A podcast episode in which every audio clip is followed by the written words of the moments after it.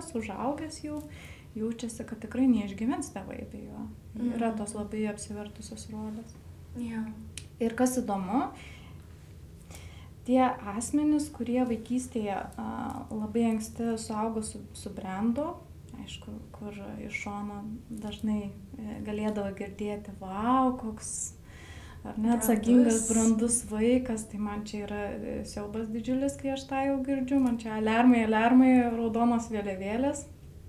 E, tai suaugę jau tokie vaikai nelabai jau geba savim pasirūpinti, jie sugriūna, jie pradeda griūti, jie kaip tik regresuoja, tarsi patys vaikais tampa ir sunku jiem netgi elementarią rutiną išlaikyti. Kiekvienas specialistas yra tam tikros teorinės pakrypos atstovas ir ne vienas nesame pilnai apsaugotas nuo atstovaujamos pakrypos šališkumo. Vartojamos informacijos sintezė ir sąsajų ieškojimas su kitomis perspektyvomis yra raktas į holistišką požiūrį.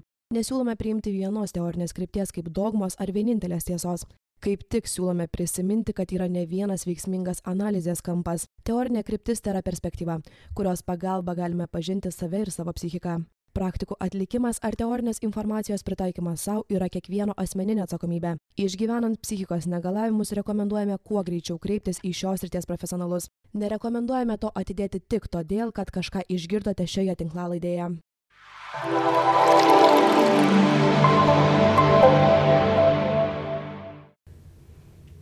Sveiki, su jumis sveikinasi organizacija jau dabar. Aš vardu Dominika, o šiandien studijoje turime psichologę, psichoterapeutę kandidatę Vitaliją Navickį. Labas. Labas. Šiandien su Vitalija kalbėsime apie tėvus ir kaltę.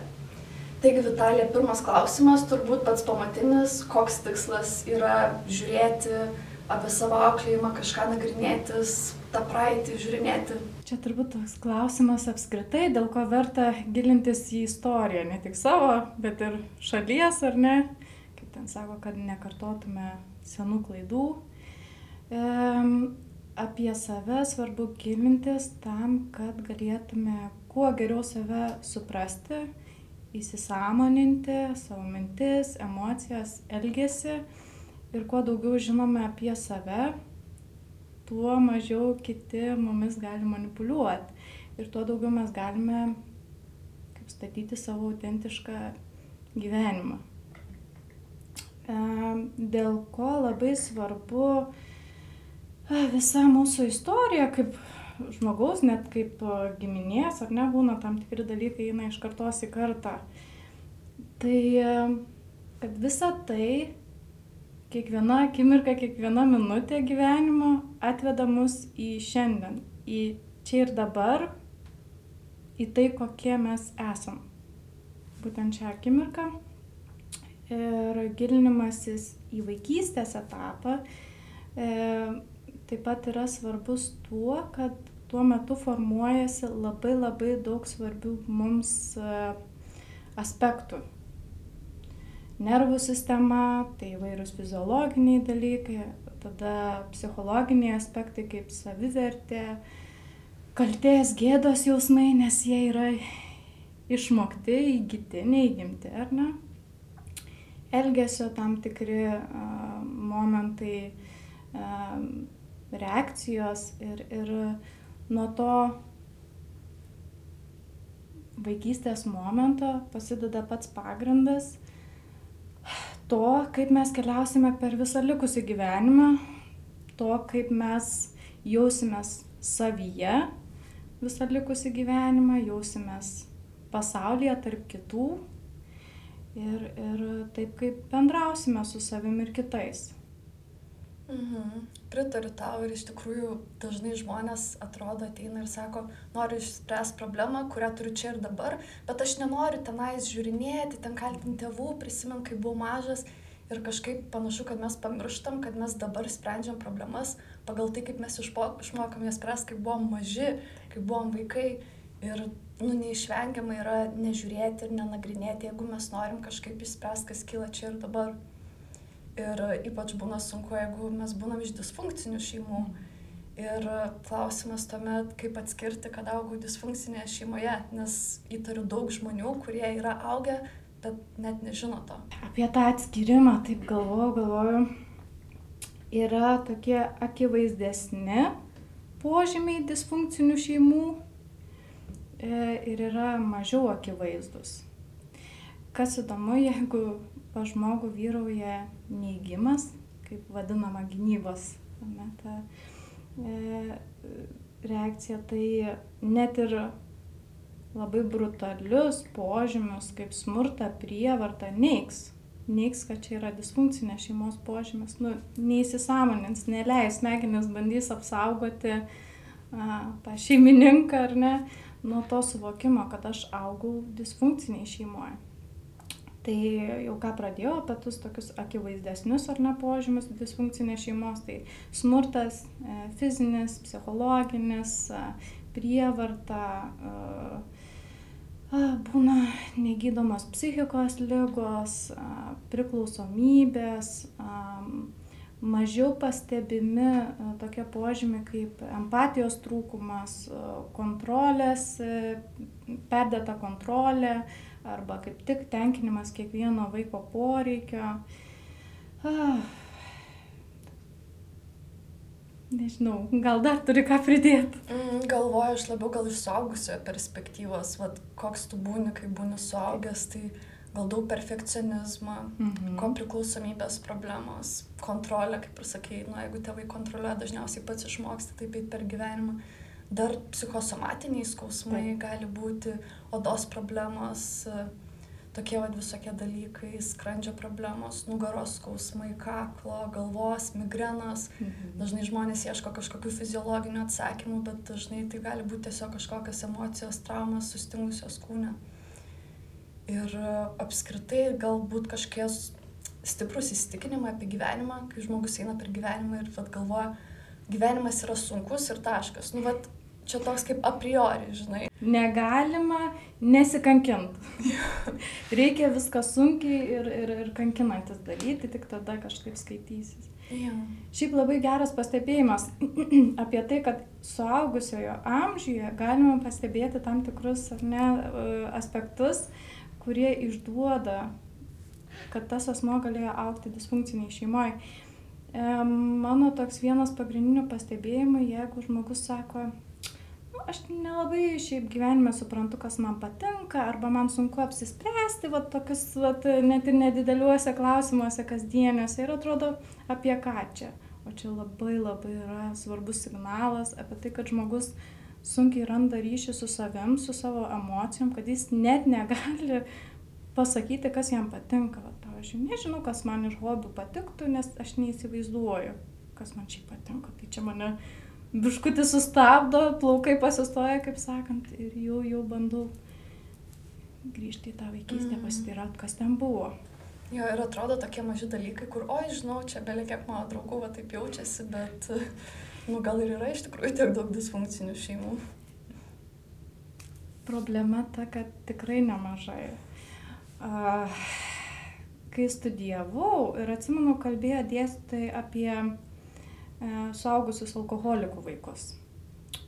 Nu, kad yra, ne, tikrai turim Lietuvoje nemažai tų priklausomybių, e, e, kas turi priklausomybę nuo alkoholio, ką jau kalbėti ir apie kitas priklausomybės.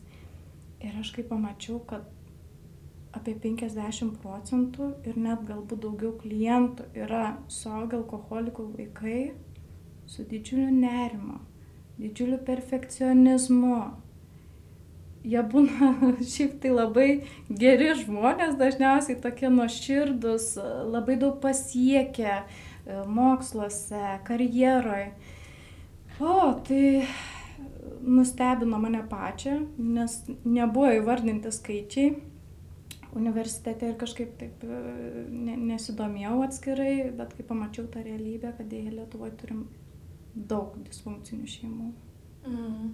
Ir iš esmės gal net atrodo, kad ir kokia gera šeima vis tiek bus kažkokia disfunkcija pasislėpus, nėra turbūt tų tobulų šeimų, kur viskas būtų gerai, net per tobulą šeimą galbūt būtų kažkokia disfunkcija iš esmės, nes disbalansas kažkoks.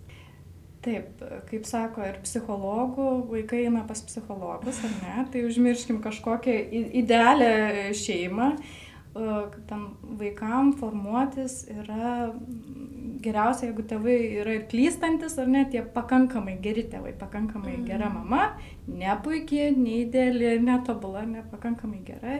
Ir, ir, ir jinai tada suteikia tokią, kaip ir tą sveikiausią atmosferą būti, e, vystytis. Mm, vat klausimas, ar kiekvieną kažkokią įdą šeimoj, sunkumą ar ne, e, klaidą įvardinti kaip disfunkciją, nu, kad, kad tai yra disfunkcinė šeima, gal šiek tiek būtų per daug ar ne tą sakyti. Klausimas būtų, kiek e, stipriai ta disfunkcija pasireiškia kasdienybėje, kiek jinai ilgai trukdavo, ar tai būdavo visada, ar būdavo kai kuriais klausimais tik tai. Tai, tai, tai čia irgi toksai. Mhm. Jo, ir dabar, kai kalbėjom, dar prisiminiau tą grupę žmonių, kur dažnai būna, kad, ai, mano vaikystė buvo normali ir tai toks kaip, nu, lyg nubraukia ir net nebeina ten galvoti, tai man iš karto tada užsidega tokia lemputė ir galvoju, kiek ten yra daug užspausto pykčio. Ir pat dažnai, jeigu žmogus taip sako, tai gal irgi siūlyčiau pagalvoti ir gal išdrįst pažiūrėti giliau, bet labai sunku, nes, nu, vat, ir man tai buvo, ir žinau daug žmonių, kur tai buvo, nes atrodo, nu, negali matyti, viskas žiauriai gerai, viskas žiauriai normalu ir paprasta atrodė, bet uh, iš tikrųjų viskas tiesiog buvo tai su, su, sudėta kaip sumuštinė. Aš pati, pavyzdžiui, apie tam tikras disfunkcijas savo šeimoje, jeigu asmeniškai, ar ne, pradėjau kalbėti gal sulaukus tik 25 metų. Tai yra ir, ir studijos, ir asmeninės terapijos, ir tik tada kažkaip leidau savo išnešti į viešumą, papasakot draugam, kitiem likusiam šeimos nariam, kad sakau, buvo taip ir taip. Tai ant, ant kiek stipriai psichika blokavo, nenorėjo pamatyti, kad tai buvo disfunkcija. Jo, ir iš tikrųjų, kai pagalvoju, vis tiek reikia kad būtum pakankamai stiprus, kad galėtum pamatyti, kad nenuneštų tą informaciją žmogaus.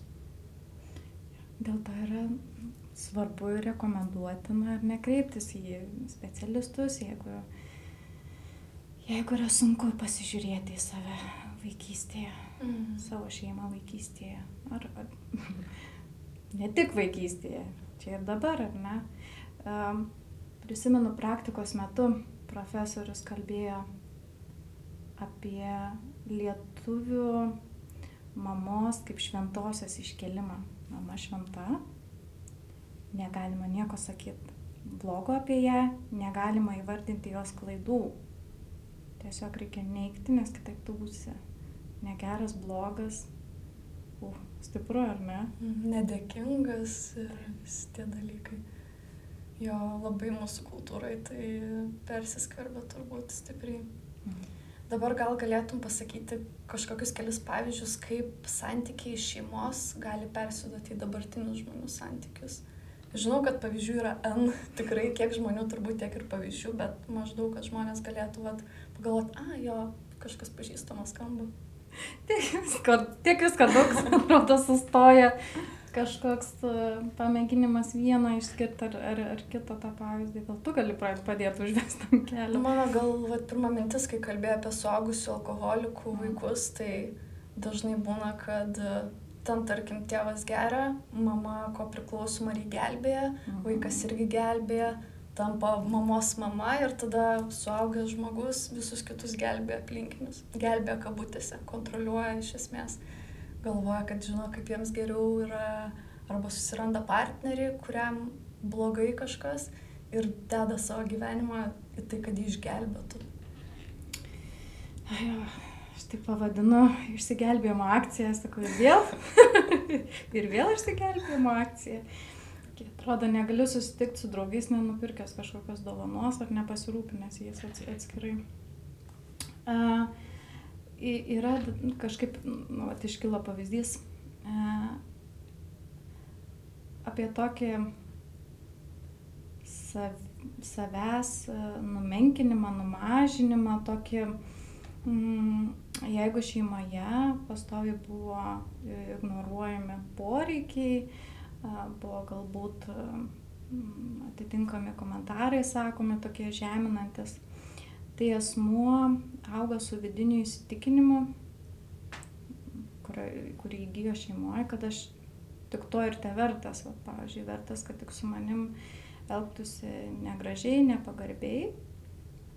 Ir toks asmuo užaugęs kuria tokius santykius, įeina į tokius santykius, dažniausiai, kur jie bus auka, o partneris, partnerė bus tas, kuris smurtauja. Čia kaip sukibė tokios porelės gaunasi, ar ne?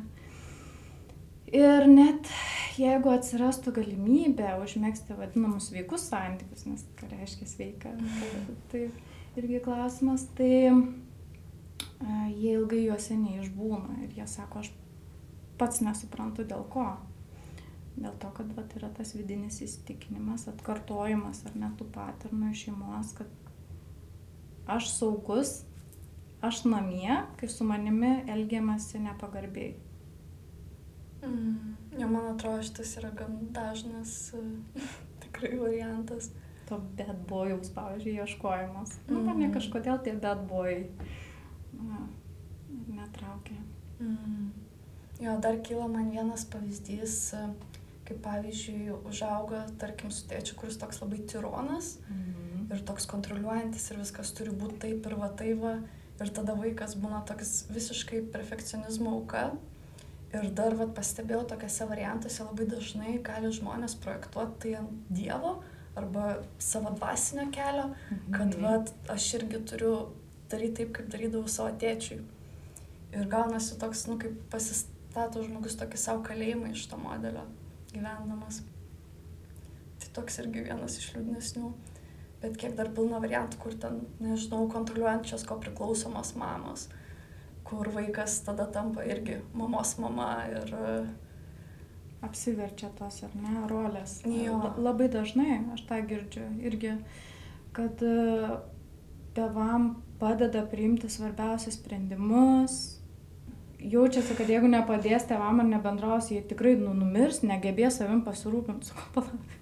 Jums jau yra 18, jie patys išgyveno ten 40, 50, 60 metų ir namą nusipirko ir sugeba ar ne išlaikyti darbą, nu, bet nu, tas vaikas užaugęs jau jaučiasi, kad tikrai neišgyvens tėvai be jo.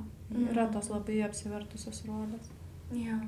Ir kas įdomu, tie asmenys, kurie vaikystėje a, labai anksti suaugo su, subrendo, aišku, kur iš šono dažnai galėdavo girdėti, wow, koks ar ne atsakingas, brandus vaikas, tai man čia yra e, siaubas didžiulis, kai aš tą jau girdžiu, man čia alarmai, alarmai, raudonos vėliavėlės. E, tai suaugę jau tokie vaikai nelabai jau geba savim pasirūpinti, jie sugriūna, jie pradeda griūti, jie kaip tik regresuoja, tarsi patys vaikais tampa ir sunku jiem netgi elementarią rutiną išlaikyti ir sako, kas čia vyksta. Tai Mm. Jo atrodo, nebegali prisimti atsakomybės už save, kai tiek daug laiko už kažką kitą prisiminėjo. Jo, nes e, psichika nemėgsta praleistų etapų. Jeigu kas nepatyrė paauglystės ar ne, tos tokios su durų trankimais, tai greičiausiai jie gali tiek patirti 30 ar 40. Ir jeigu mes nepatyrėm vaikystės, tai yra tragiškai blogai mūsų psichiniai sveikatai anksčiau ar vėliau vis tiek reiks kažkaip integruoti gražiuoju arba negražiuoju. Taip, taip. Oi, dar iškilo vienas pavyzdys, e, kadangi Lietuvoje turim tą tokį kūno kultą, ar ne, ir, ir vertinimą žmogaus, savęs vertinimą pagal tai, kaip atrodau, Ir, ir jeigu vaikystėje, pavyzdžiui, ten vaikas mato mamą, vai ypač mergaitėm ar nebūna, kad jeigu mato mamą, kuri stovi prieš veidrodį, neigiamai komentuoja savo figūrą, neigiamai komentuoja mergaitės tą, pavyzdžiui, figūrą, tai irgi tuomet užauga jinai į moterį, kuri tiek save, tiek kitus pradeda irgi vertinti būtent pagal figūrą, pagal išvaizdą. Jeigu turi kažkokio ansvario, tai reiškia jau prastas žmogus ar ne, deda, klyjuoja tas etiketes ir mato visą pasaulį per tą filtrą tokį. Mm, turbūt panašiai kaip ir vienas iš tėvų, tarkim, save vertina pagal tai, kiek daug padarė tą dieną. Tarsi vertė priklausytų nuo to, kiek darbų padarė. Tai panašiai ir vaikas tada išmoksta eiti per gyvenimą ir tada labai sunku surasti, kokia ta tikra mano vertė. Mhm. Ir kad jinai, nesi, kad jinai nesikeičia, oho, čia irgi dar vienas suvokimas, kurį tikrai labai nelengva būna priimti. Bet apskritai, kai galvoju apie disfunkcinės šeimas, man va, pagrindinis dalykas, tai mano kūno terapeutė labai dažnai mini tai tiesiog apversta hierarchija. Mhm. Ta, kad tėvai yra tėvai, o vaikas yra vaikas, nes net suaugę žmonės kartais nesupranta, kad hierarchija apversta, kad, nu, ne jie turi eiti ryšį su tėvais, kad tėvai gali eiti ryšį su jais, kad gali nemanipuliuoti kaltę, o tiesiog paskambinti, paklausti, kaip sekasi. Tai toks tikrai, manau, daugam aktualus dalykas. Ir dabar, kai daug užsiminėm jau, gal papasakosi apie ko priklausomybę daugiau. Kokie požymiai, kaip sužinoti, kad galbūt kenčiu nuo to dalyko. Tai ko priklausomybė kaip terminas apskritai atsirado nuo, eh, nuo alkoholizmo, tokio, kad buvo žmonės, kurie eh, serga al alkoholizmu. Ir asmenys dažniausiai partneriai, partnerės, ar ne, tapdavo tokiam ko alkoholikiam, ko alkoholikais. Po to ir pasižymėjo tam tikrom specifiniam, e, tam tikrais specifiniais požymiais. E, vėliau buvo pamatyta, kad e, tie ko alkoholikai e, turi panašumų ir su kitais priklausomybių turinčių partnerių, nu čia jau būsiu suvėlus. kad žodžiu, ko priklausomybė ar ne, jinai um, kil, kil, kildan, kildinama iš uh, apskritai priklausomybių uh, temos kaip uh, alkoholizmas, nes uh, kuo priklausomas asmuo būdavo įvardinamas kaip ko alkoholikas. Kažkuria prasme netgi padedantis, palaikantis e, savo partnerio priklausomybę, e, destruktyvų elgesį, e, bandydamas jį gelbėti, rūpintis juo ir panašiai. Dabar vis dažniau kalbame apie tą ko priklausomybę bendrai na ta prasme tiesiog priklausomybė nuo kito asmens sunkumą išbūti vienam vienai ar ne a, sunkumą pajausti savęs svarbą ir neturint kažkokio ar ne partnerio ar partnerės. Bet dažniausiai vis tiek tai yra kalba apie santykių su kitu asmeniu, kuris turi priklausomybę, ar tai alkoholizmą, ar tai nuo narkotinių medžiagų, nuo lašimų ir panašiai. Kaip atpažinti? Tai ko priklausomas asmuo sunkiai jaučia save, sunkiai gali įvardinti savo emocijas, e, jisai yra labai labai priklausomas nuo išorinio paskatinimo, nuo išorinių pagirimų. E, jisai jaučiasi vertingas tik tuo met, kai gali kažkam padėti, kažką gelbėti.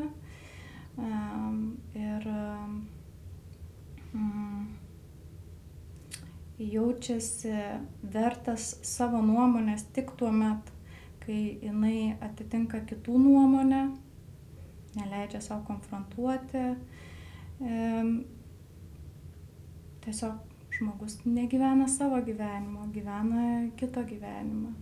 Ir labai yra daug pasyvios agresijos, nes neleidžia savo įsisamoninti pykčio, o tada mes turim daug tos pasyvios agresijos. Mm, čia dažniausiai būna tie žmonės, kurie žiūri visiems geri, visada mhm. padeda ten, visada suruošia didelį stalą, geriausi haustai būna ir panašiai. Ir manau, svarbu dar paminėti turbūt, kad dažnai vaikas užaugęs, ten tarkim su ko priklausoma mama būna pats ko priklausomas. Tai nebūtinai turi ten turėti partnerį, kuris yra mhm. alkoholikas ir panašiai. Ir apskritai labai daug kontrolės pas ko priklausomus žmonės ir labai dažna frazė, kurią girdžiu, tai būna, kad man kiti yra svarbiau negu aš. O tai. Bet, nu, lengviau yra sakyti, kad man kiti svarbiau negu aš, negu kad aš nemoku reguliuoti savo emocijų, tai aš geriau reguliuosiu tavo emocijas ir taip susireguliuosiu savasias, vietoj to, kad, nu, pas savį iš karto eiti, kad išvengtų didelio rato. Bet uh, atrodo dar mūsų visuomenė taip žiūri, o, koks altruistiškas žmogus. Ir tada dar daugiau maitina tą, tą visą ko priklausomybę. Ir uh, apskritai mūsų visuomenė atrodo, koks nuostabus žmogus, viską ten dėl kitų daro, ten save pamiršo, viską dėl savęs stengiasi, kai ten, nu, nu, iš esmės labai daug egocentrizmo ir skausmo užspausta ir net to pačio pykčio ant visų, kuriuos gelbėja. Mm -hmm. Ir apskritai kaip tokioje vietoje kaip Lietuva, kur tiek daug problemų su priklausomybėm, atrodo, kad ko priklausomybė vos ne kažkoks, nu, kolektyvinis, kolektyvinė problema, kurią ne, net nežinau, kaip reiktų išrauti, nes irgi iš kartos į kartą persidoda, net iš partnerių į partnerį. Tikrai taip, mūsų tautai būdingas asmenybės bruožas yra mazochizmas. Mazochistinė asmenybių yra labai daug, netgi Nancy McWilliams tą įvardino savo pratarmėje skirtai būtent Lietuvos, lietuviškam vertimui jos e, knygos. E, nu, toks jausmas, kad tikrai jeigu prasikankinsim, e, prasikankinsim va tą gyvenimėlį, tai po to lauks mūsų dangus, žinai. E, jo, tai Um, dar buvo vienas dalykas, kurį prisiminiau. Ai, tai dar mes ne tik išaukštinam uh, tos žmonės, kurie pamiršė save, tokie šaunuoliai, pasiaukoja kitiem, bet dar ir užgėdinam, sukaltinam, jeigu žmogus bando pasirūpinti savo poreikiais. Oh, koks savanaudis. Iš karto, nu, bet viskas. Jeigu yra kalba apie tai, kad, va, žmogau, pasižiūrėk, ko tau reikia, pirmiausia, reikia pasirūpinti savim, ar ne, mes turim tą tokią atsakomybę, pasižiūrėti save, savo sveikatą, savo gerovę, nes tik tada galėsim kitais pasirūpinti, ar ne, e, konstruktyviai. E, tai e, pirmas klausimas būna, bet o tai kaip, o tai galima, nes aš tada nenoriu tapti tuo, kuris lips per kitų galvas. Kažkaip pasirūpinimas savimi įsivardina kaip visišką savanaudiškumą ir brėžia lygybės ženklą engimo kitų, kažkaip negražaus elgesio su kitais. Man šitoj vietoje aš nelabai suprantu, dėl ko kiekvienas įgė tas pats per tą patį gaunasi. Sakau, nu, taigi galima savo būti geram ir kitam. Nebūtina kažkaip ar net rankyti kitų galvas ir tada geriau jaustis. Jo, atrodo, kad yra tas įsitikinimas, kad jeigu aš duosiu savo, timsiu iš tavęs. Nu, taip, taip. Mhm. Turim tokį dalyką e, - lyginimąsi, mhm. kas irgi yra, ar ne, žemos savivertės, o žema savivertė yra čia numeris vienas, ar ne, ko, priklausoma, nu, ko priklausomam asmeniu irgi atskirti. Tai lyginimas su kitais yra irgi žemos savivertės ženklas ir e, kaip asmo jaučiasi, jeigu kitam pasiseka. Tai reiškia, aš blogesnis. Jeigu kita pagyrė, tai reiškia, nu, aš ir negavau. Sudėtingai. O lyginimasis yra kas? Laimės vagis. Lyginimasis su kitais yra laimės vagis. Viskas, taškas. Tiesa. Ir dar pagalvoju apie atsakomybę. Tai dažnai prisima labai daug atsakomybių Ir, bet ne viena ne, nebūna to žmogaus, žinai. O savo negeba. Jo, jo. Tai atrodo, o Dieve, aš, aš toks atsakingas žmogus, tai viską atsakingai darau, bet kai ateina laikas už save kažkokią atsakomybę prisim, kad ir nedidelę, tada atrodo, kad, nu, nebesusijungia. Tikrai taip. Nu, net juokiuosi, čia aišku. nu, toks. Čia mano gynybos me mechanizmas, man jeigu skauda, aš juokiuosi ir jeigu jau užkyla įtampa, aš juokiuosi. Tai tikrai atsakomybė netgi, va, nu, kurį šampūną nusipirkti. Nu, būna žmonės parduotuvai pusvalandį ir neišsirenka ten tie šampūnai, suprasčiau, jeigu ten būtų skirtumas kažkoks didžiulis sumoja ar, ar, ar kažkas tokio. Bet labai elementarų negeba išsirinkti ir tada prašau, nu, pasakyk, arba gerai, iš bolto, volto užsisakysim. Tai išsirinkit, jūs man jau tiks bet kas, ar ne, net negeba vat, pastovėti už tai kažko norisi pavalgyti, o jeigu jau ten neskaniai išrinko, tai tada bus galima ar ne pasakyti, nu, žiūrėk, kitas įk tu jau vėl kai rinksi, mm. tai tada gal rinkti taip ir taip, kad buvo galima pačiam, ar ne? Tai yra su ta atsakomybė irgi e, sunkumas. Jo, dažniausiai dabar galvoju, panašiai turbūt jaučiasi žmonės, nu, vad, kai augi ir tiesiog tėvai neleidžia kažkokių pasirinkimų daryti. Arba tu vidury kažkokio dalyko ir tada perima kontrolę mm. ir pabaigia. Arba, oi, čia negerai padarai. Arba aš padarysiu už tave. Arba dar ten tas pavyzdys, kur duoda vaikui, tarkim, nuvalyti ką nors ir tada nueina per naują nuvalo, nes blogai nuvalė. Ir tada vaikas toks suaugęs nebežino, kurį šampūną tiesiog rinktis. Taip, nes visada bus blogai, kuri, kuris mažiau atneš to blogumo. Apie tą kontrolę. Mm, taip pat svarbu suprasti, kad jeigu laisvės duodama per daug, tai daryk, ką nori, aš tau leidžiu, leidžiu visą laiką daryti, ką nori, arba leisdavau daryti visą laiką, ką nori, tai vaikui tas ribų neturėjimas, tas daryk, ką nori, bet, bet kada užsim savim, aš tave va, tarsi palaikysiu, tai yra labai nesaugu. Čia kaip vaiką paleisti laukuose ir sakyt, na, aš kažkur ten būsiu, tai tu čia jau kažką veik. Tai yra labai labai labai baisu.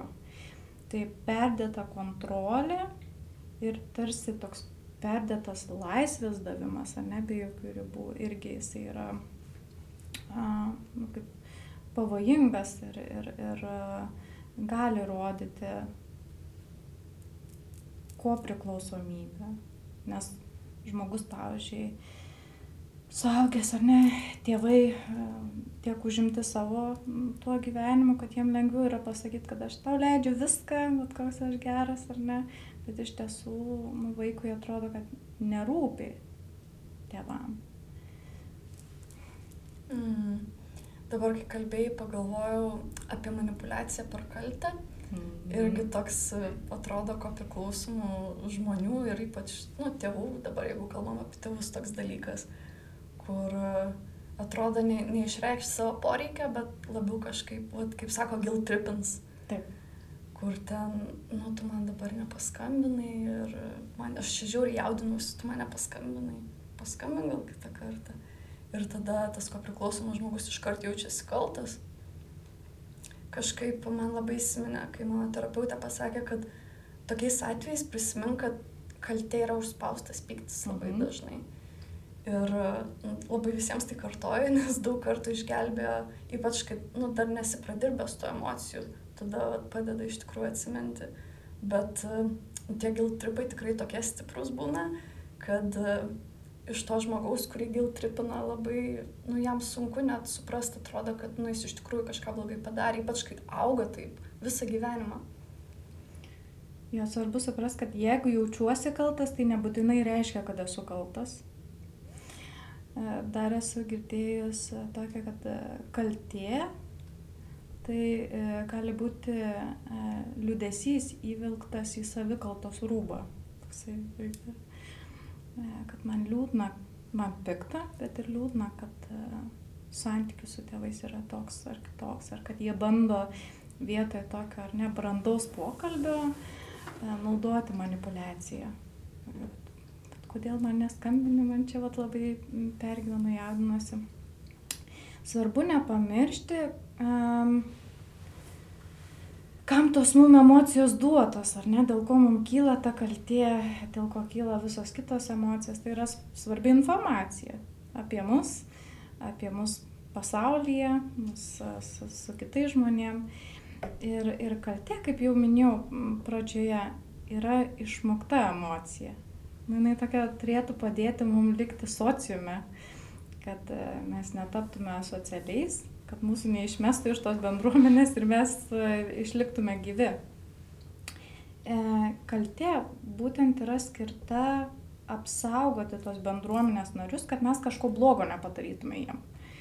Tai, tai gerai, kad tos kalties būna šiaip gyvenime, ne kad jaučiam, tai nynam, ten namų nedeginam iš pykčio ar, ar, ar dar kur tokio nedarom. Bet jeigu mes jaučiam kaltę dėl to, kad saugom save ir savo sveikatą, savo gerovę, ar ne, nu, pažiūrėjau, jeigu jaučiam, kad bendravimas su tėvais per intensyvus mums duoda per smegenis ir mes po to savaitę laiko neatsigaunam, ar ne, tai tada tokiu atveju tas kalties jausmas gali rodyti tą išsiderinusi, ar ne, mechanizmą e, emocinį, kad, kad, kad ten yra kažko daugiau, kad reikia pasižiūrėti, gal buvo tikrai manipuliuojama tam tikrais jausmais vat, vaikystėje, ne? nes nu, vat, kaltė tai toksai labai labai sunkus jausmas. Mm. Ir noris jį tarsi numesti, išmesti, bet nieko tokio iš tiesų. Ir jaustis kaltam, kad stengiuosi dėl savęs ir darau dalykus dėl savo gerovės, bet ir toliau juos daryti, kad jaučiuosi kaltas, tai ne, nebūtinai reiškia, kad reikia sustoti ir kažkaip numušti tą ne, emociją. Mm, turbūt neišvengiamas kelias nuo atsveikstant nuo, nuo tokių situacijų. Tikrai taip. Dar, žinai, pagalvoju apie gėdą pykti, nes labai dažnai būna, nu čia labai irgi toks e, visuomenės dalykas, kad, nu, tu negali pykti ant savo tėvų. Tik jie, jie taip ten stengiasi dėl tavęs, arba patys tėvai kartoja, kaip aš čia stengiausi, koks tu nedėkingas, viską pirku, o ten koks nors nulis emocinio ryšio. Mhm. Ir tada vaikas iš tikrųjų galvoja, Dieve, aš toks nedėkingas, kokia gėda, kokia kaltė. Kas yra dar su kuo priklausomi žmonėmis? Kad jie tikrai prisijims vat, kaltę, vat, kažką, ne, kad kažkas netaip vyksta savo. Ir netgi jeigu jie bandys komunikuoti va tevam, pavyzdžiui, ar ne, ar, ar, ar kitiem asmenim, kad aš norėčiau, kad mano, pavyzdžiui, emocijos būtų ne, priimtos arba kad nebūtų reikalaujama iš manęs bendrauti dažniau negu aš noriu ar galiu. Ir jeigu kiti asmenys, nu, nesupras, supyks, tai tas, ko priklausomas asmuo galvos, kad jis nu vat vėlgi kažką padarė negerai, kad kitas, nu, nesuprato, ar ne jo poreikio, ne, nepakankamai pasakiau, visgi tikrai, nu, per daug noriu, ar ne, savo leisti, bendrauti tiek, kiek galiu. Ja, tai, tai yra tas, kad prisims savo visą laiką tą atsakomybę už kažką neigiamą. Mm. Ir dar atrodo, kad, o Dieve, aš įžeidžiau ir tam žmogui skauda ir man tada dar dvigubai skauda, nes dar kartu su kalte atkeliauja o pyktis, nu, vat Lietuvoje vėlgi turim tą ar ne problemą su pykčiu. Jeigu pyksi, tai iš viso mergaitės tai negražus, jeigu, jeigu pyksta, ne? E, jeigu pyksta vaikas, tai jis tampa negeru vaiku. Ne kad vaikas, kuris pyksta, bet negeras, tiesiog uždedamas įvertinimas jam. Ir, ir, ir turim tą problemą ir tada, nu, kaip pasakyti, apie tą depresijos teoriją iš kur kyla depresija. Ne, na, aišku, tų teorijų daug, daug visokių, bet e, skaitosi depresija, tai e, kuomet mes e, netiduodam to pykčio asmenį ar įvykiui, kuris kaip ir iššaukia tą pyktį, bet jį apgrėžiam ir prisėmam savo. Toks į save atgrėžtas pyktis yra depresija. Priklausomybės yra irgi apie tą užgneuštą pyktį. Labai liūdna iš tikrųjų dabar, kai klausau ir e, galvoju, nes, nu, kai esi suaugęs, labai sunku susigražinti tą galę pykti, nes tu nemoki ir atrodo, kiti moka, aš net, nu, atrodo, kaip, kaip man dabar, kaip čia elgtis, kaip čia, kiek, kiek, kiek galiu, čia galiu rėkti, ar ką aš čia galiu, kaip man elgtis. Ir, e, nes atrodo, per, per protą nori pykti tada. Ar čia ok, jeigu aš supyksiu, va tada va tokie, mm -hmm. nu, bet čia čia tu galvoji, tu čia nepyksti, o ką, nu, vat, ką nori daryti, toks, nu, tas kūno nepajautimas, mhm. atrodo, tos emocijos. Oi, kas dar aišku yra žmogui, kuris visą gyvenimą slopino, va, tą, tą pyktį stengiasi ar neslopinti, tai paskui išeina tokiais uh, labai stipriais, ar ne, pliūpsniais dažnai. Ir žmogus tada galvoja, aš kai pykstu, tai ir būnu tik tai va toks piktas. Tai jeigu savo po truputėlį leidžia, leidžia išsilieti, tai ir, ir, ir natūraliai tas iš emocijos išeinantis pyktis, jisai tampa tokiu mažiau baisiu, nes žmogus pats savęs pat išsigąsta, kai supyksta. Aš su klientais, kai kalbu, stengiuosi jiem nu, pasakyti, kad, nu, pavyzdžiui, aš esu kaip žmogus. Ir jeigu mane kažkur užmatysit, aš galiu parduotuvėje, pavyzdžiui, ką nors apriekti. Į temą, ne į temą, nusakau, jeigu ne į temą, atsiprašysiu visą kitą, bet gali būti, kad taip pat pamatysit. Ir, ir jeigu aš randu piktą darį, ant kurio galiu išsilieti, aš su mielu noriu tą darau. nu, neidealus variantas, bet aš ir neprisiemu kažkokio idealaus žmogaus, ar ne? Ar idealios psichologijos e, vaidmens. Manau, kad tai yra nu, svarbu legalizuoti pyktį. Va, mhm. ar ne, legalizuoti pyktį ir ne tik iš intelektualinės pusės. Nors, kai žmonės išgirsta apie tai, kad galima pasakyti, aš žinok, pykstu ant tavęs. Nu, tuo tokiu gražiu būdu, jie sako, wow, Vau, o gal bent jau šitai bent jau leisiu pamėginti, ar ne? Tai tas toks pirmas laiptelis gali būti, kad bent jau iš intelektualinės tos pusės, jeigu leisim savo įvardinti taip gražiai, aš ant tave žinau pyktį. mm, gal dar svarbu paminėti, kam tas piktas reikalingas kaip emocija. Nori papasakot, Nu, vat, ką dar. Nes aš piktis... kiek įsivaizduoju, kad tu kažką turiu omeny konkrečiai, kaip tai įvardinti. Kai mes kalbėjome apie ko priklausomybę ir pyktį, vat iš karto apie ribas galvoju. Taip, taip, taip, taip, taip. Kad dažnai, jeigu nu, nemoki pykti savo ribų, nesupranti, kur tas ribos, kaip aš jas apginsiu, nes kyla piktis, kaip pažydžia ribą. Taip. Absoliučiai taip, teisingai. Kaip žmonės, sergantis depresija, atsigauna nuo tos akimirkos, kai jie leidžia pykti. E, pyktis taip pat energijos suteikia. Leidžia ir pakovoti už tas ribas. Bet jo, pyktis labai svarbus tas ženklas, kad kažkas čia jau perženginėja mano ribas. Labai labai svarbu, kad įvardinai. Mm. Ir vad galvoju, kad vad piktis dažniausiai ir būna ta emocija, kuri labai didelius ten psichosomatinius skausmus sukelia. Tokia labai sunki emocija. Ir, nu, vat, būna, kaip ir sakėjai, žmonės, kurie serga depresija, dažnai ir turi kažkokių psichosomatinių, neaiškių skausmų ir nežino, kaip jas išdirbti. Bet kartais geriau vieną kartą supykti, negu 30 kartų galvoti, ar pykstu ir po to dar kentėti skausmą. Taip pat pyktis uh, turi savo intensyvumo skalę. Um, Kažkaip dažnai žmonėm atrodo, kad jeigu jau vardinu, kad pykstu, tai čia jau yra galutinė stotelė, čia jau viskas. Nu, Sakykime, čia, kažkaip čia gal susierzinimas būtų labiau, čia koks pyktis, pyktis, ar ne, čia va įnirštis. Aišku, dažniausiai mes stengiamės jį apibendrintai, viską galime įvardinti pykčiu, bet norisi pasakyti, kad pykti galime ir dėl mažų dalykų. Tai pyktis tai nereiškia tik tai va ta įniršio stadija, kai einam ir išdaužom viską. Ja. Mm, ir dar turbūt svarbu paminėti, kad nu, jeigu mes supyksim ant kito žmogaus, jis nenustos mūsų mylėti. Taip. nu, nebent užaugai šeimoje, kur yra sąlyginė meilė, bet tada čia jau toks nu, liūdnesnis, kur reiktų atpažinti variantas. Bet visgi kiek daug žmonių ir bijo to, kad jeigu aš supyksiu, net ir jeigu tiesiog paprastai vardinsiu, kad man pikta, tai kad manęs ne tik nemylės, bet atstums. O atstumimas yra mums užkoduotas biologiškai jau labai labai giliai, kad mes, jeigu būsim atstumti, mes mirsim. Čia tik visai neseniai, ar ne? atsirado galimybė, net ir jeigu mane atstums visi, kad aš išgyvensiu. Nu, vis tiek ten gydytojai kažkaip turės manim pasirūpinti, ne, netgi jeigu aš būsiu tikrai tokia visa visur ne agresyvi.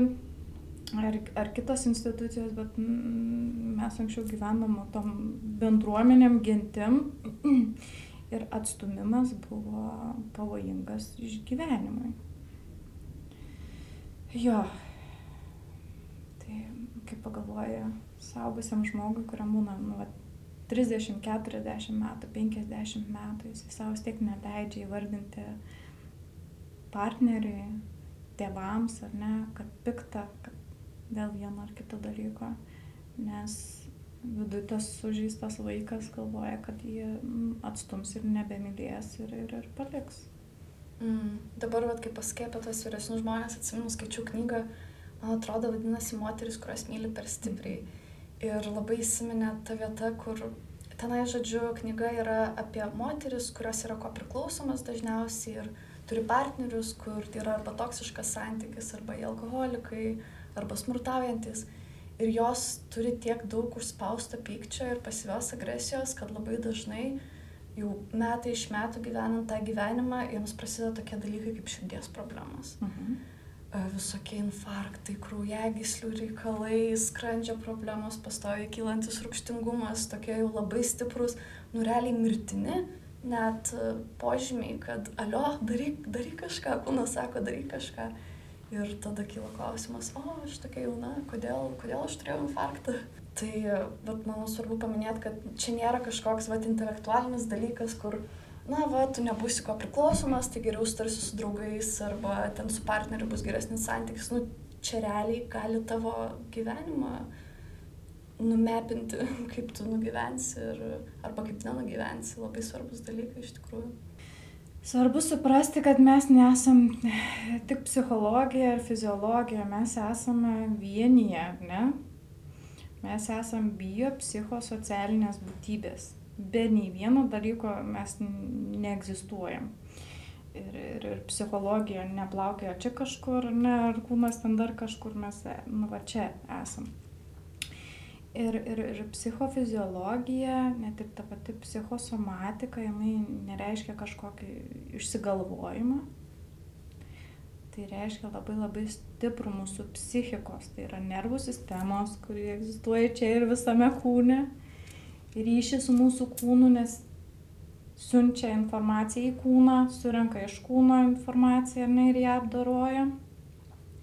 Ir, ir yra psichofiziologiniai tyrimai, kurie jau daugybę metų patvirtina tą ryšį. Ir, ir kaip ten sako, ir gydytojas girdėjęs, kaip įvardino, nu jau pagalvojom vieną mintį ir pasikeitė mūsų biocheminė sudėtis, kaip sakant, taip stipriai. Aš pati atlikinėjus buvau tyrimus bakalauro metu psichologijos laboratorijoje buvo matuojama odos varža, e, kvepavimo dažnis, pulsas, temperatūra ir kaip e, mūsų kūnas, tos fiziologinės reakcijos e, atsispindėdavo, atspindėdavo emocinės reakcijas, stresą, ar ne, ramybę ir panašiai, kad tai nėra jokių būdų kažkoks išsigalvojimas. Mūsų emocijos atsispindi kūne fiziologiniam ligmenyje. Ir tuo pačiu metu čia ir dabar paraleliai kažkaip labai e, žmonės, ypač kurie, nu, galbūt e, nežiūri į save arba neskiria laiko meditacijai, labai sunku suvokti, kad kiekviena mintis yra kūne. Neišvengiamai vyksta viskas kartu labai mėgstam tikėti, kad, nu, va čia aš galvoju, o čia kūnas tiesiog būna ir va, va čia taip vyksta. Bet... Neapjungia, yra sunkumas apjungti, apskritai turim sunkumą apjungti daug ką. E, pavyzdžiui, yra tas skirstimas juoda-balta, ar ne? Na, tai va aš arba rūpinsiu savim, tai būsiu ten savanaudis, arba ten dar kažkaip, ar ne? E, kad negalima, nu, kažkaip apjungti. Apjungimas yra nu, brandumo ženklas. Tai irgi jeigu yra sunku apjungti savo mintis, psichiką su savo kūnu, kad tai yra kyla ne iš oro ar ne kažkur tais, a, tai irgi gali rodyti nu, tam tikrus, a, kaip pasakyti, gal labiau gynybos mechanizmus, ar ne, tą tokį, kad verta padirbėti su savo emociniu brandumu. Kai vyksta skelimas, tai vis tiek yra apie kažkokį primityvumą mūsų mm. psichikoje. Mm. Nu ir neišvengiamas vidinis konfliktas, kuris tęsiasi turbūt ir persiduoda į kitas gyvenimo sferas pastoviai. Va taip, pastoviai, ne? Mes nesam izoliuoti, ne, mūsų tas mąstymas, jo procesai nusineša į visas gyvenimo sritis. Ir, ir, ir kaip mes matysim, bendrausim, skelsim, neskelsim darbo aplinkoje, tą patį greičiausiai darysim ir namų aplinkoje, ir ne, tai visur išsispindės. Mm. Taip. Ir dabar galui turiu klausytojų, skaitytojų klausimų keletą. Uh, tai pirmas yra, kaip žinoti, kada tėvų elgesys per daug toksiškas bendravimo tesimui. Šiaip norėtųsi sakyti, kada pajaučia žmogus. Bet mes ir kalbėjom, kad dažnai, jeigu asmo augo toksiškoje aplinkoje, kad yra prarastas suvokimas, kas yra normalu, kas yra toksiška, kas yra disfunkciška. Tokie jau akivaizdus, nu bent jau jeigu smurtaujama, gal kažkaip labai aišku, brieškim čia, ne, e, tašką. Mm. Taip pat, nu, kaip geslaitinimas ar ne, tas miglos pūtimas, vadinamasis, e, nuneigimas poreikio, e, manipuliavimas, atsakomybės permetimas. Nu, bet čia yra labai labai individualu. Labai individualu ir iš tiesų negalėčiau pasakyti, kad e, jeigu yra taip ir taip, tai jau nebendraukit. Norisi pasakyti, kad apskritai galima nebendrauti kad tai nėra nusikaltimas, nieks į, į kalėjimą neuždarys ir kad jūs nesate nieko skolingi savo tevam. Ja, e, tai kad apskritai galima nebendrauti ir yra ok. Net kai kurie žmonės nejaučia meilės tevam ir tai yra ok. Mes negalim kažko išsioperuoti ar ne, ar, įsidėti šitai vietai. Tai vėlgi turim daug stigmos, e, kuomet eina kalba apie ryšių nutraukimą su savo tėvais ar kitais šeimos nariais, giminėm. Um, Galiu pasakyti, kad e, žmonės net ir po prievartos akto būna, kad renkasi bendrauti, e, neminėti niekam, tam, kad būtų išlaikoma ta vadinama norma. Kad visi, nu, vad vėlgi, ar ne ko priklausomas žmogus, kad, kad kiti, vad, ramiai jaustųsi, aš jau kaip nors, ar ne, išgyvensiu. Tai, sakykime, jeigu yra žmogus pilnametis, nu, atsakingas už save, tai dar e, laisvai norisi čia iš, iš mano pusės pakomentuoti laisviau, bet e, jeigu turim e, nepilnamečių asmenų, savo vaikų ir juos vežam galbūt pasenelius ar ketinam vežti pasenelius, kurie žinom, kad yra ne, toksiški, smurtaujantis, žeminantis. Tai gal neveškim. Nieko tokio, kaip sakam, nieko tokio. Mm. Aš tai iš vis, kai perskaičiau klausimą, galvoju, bet tai, okei, okay, o jeigu žiūrėti iš tos pusės, kad, nu, koks apskritai turi būti toksiškas bendravimas su kitu žmogum, kad nutraukti santyki, kodėl tėvai išskirtiniai, jiems daugiau toksiškumo leidžiama. Nu, bet irgi toks iš visuomenės atrodo, kad tėvai gali daugiau elgtis su tavim kaip su šiukšle, negu kad bet koks kitas žmogus, vien dėl to, kad dėl to tėvai. Ir man atrodo visi labai mes va, turim tą savį, kuris ir per kaltę labai žaidžia tas dalykas, ir per gėdą iš visuomenės pusės, ta stigma, kaip minėjai, kiek daug žmonių, kurie va, yra nutraukę bendravimą su tėvais ir visi pastoji ten projektuoja savo santykius su tėvais ir oi, čia nais po metų pasilgsiu, norėsi atgal ten Arba, nu, žinok, aš irgi ten nebendravau, bet pradėjau bendrauti, tai gal, nu, taigi greit mirs, taigi kaip tu čia dabar, po, po to gailėsies. Mhm. O taip, atsimenu a,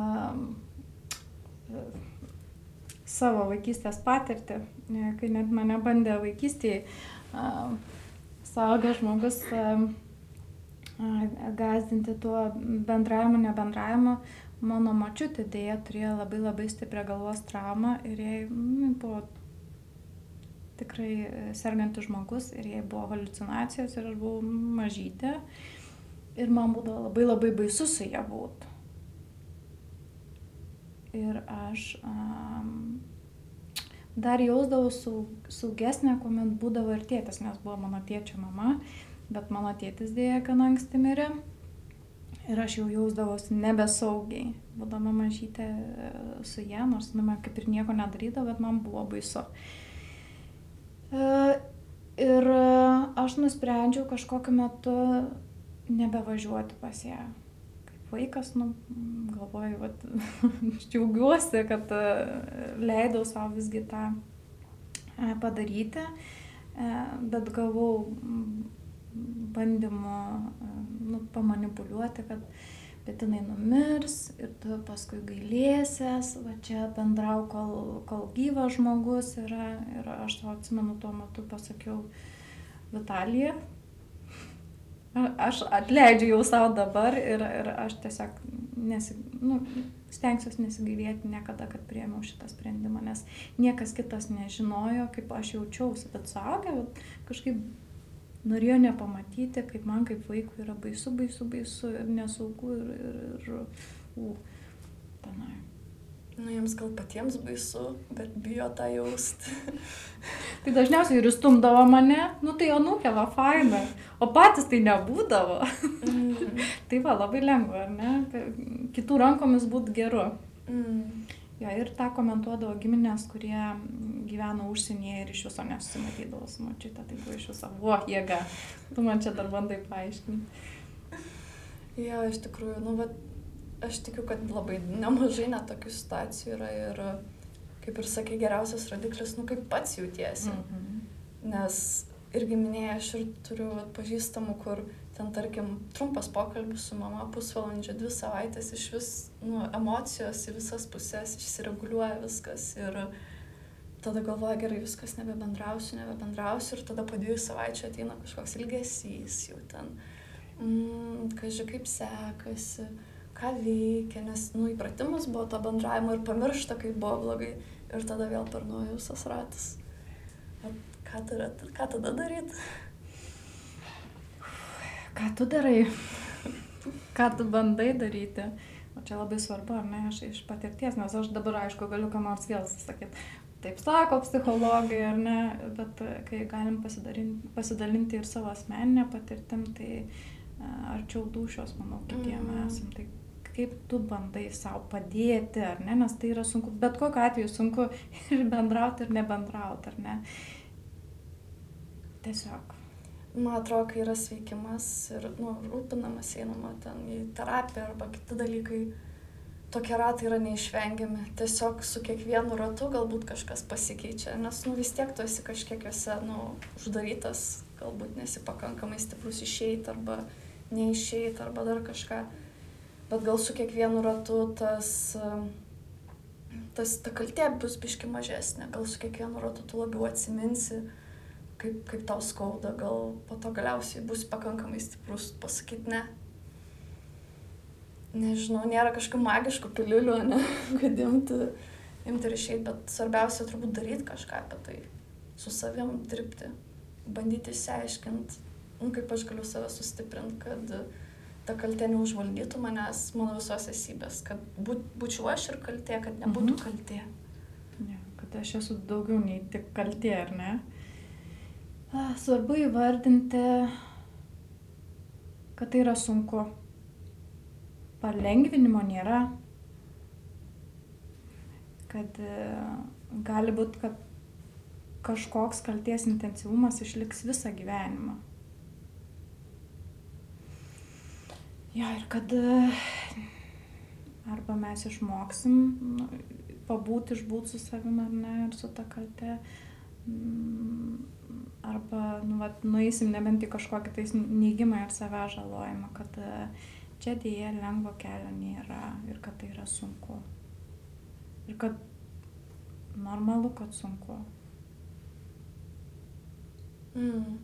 Jo, pritariu tau. Ir paskutinis skaitytojas klausimas. Ar turėčiau mamai sakyti, kad matau, jog ji bando sukelti man kaltę ir padėti jai pačiai susiprasti, kad manipuliuoja, ar geriau nekreipti dėmesio ir brėžti ribą? čia turbūt iš tų variantų, kur nusprendė pasilikti bendrauti ir bando suprast, kaip.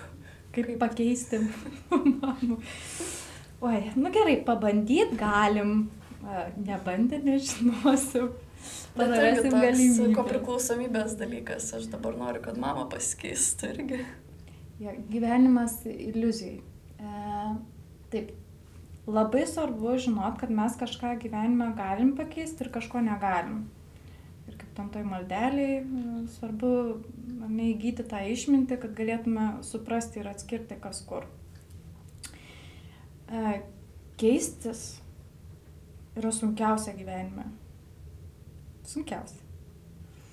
Ir e, save keisti apskritai yra sunkiausia, o kito net neįmanoma. Ne?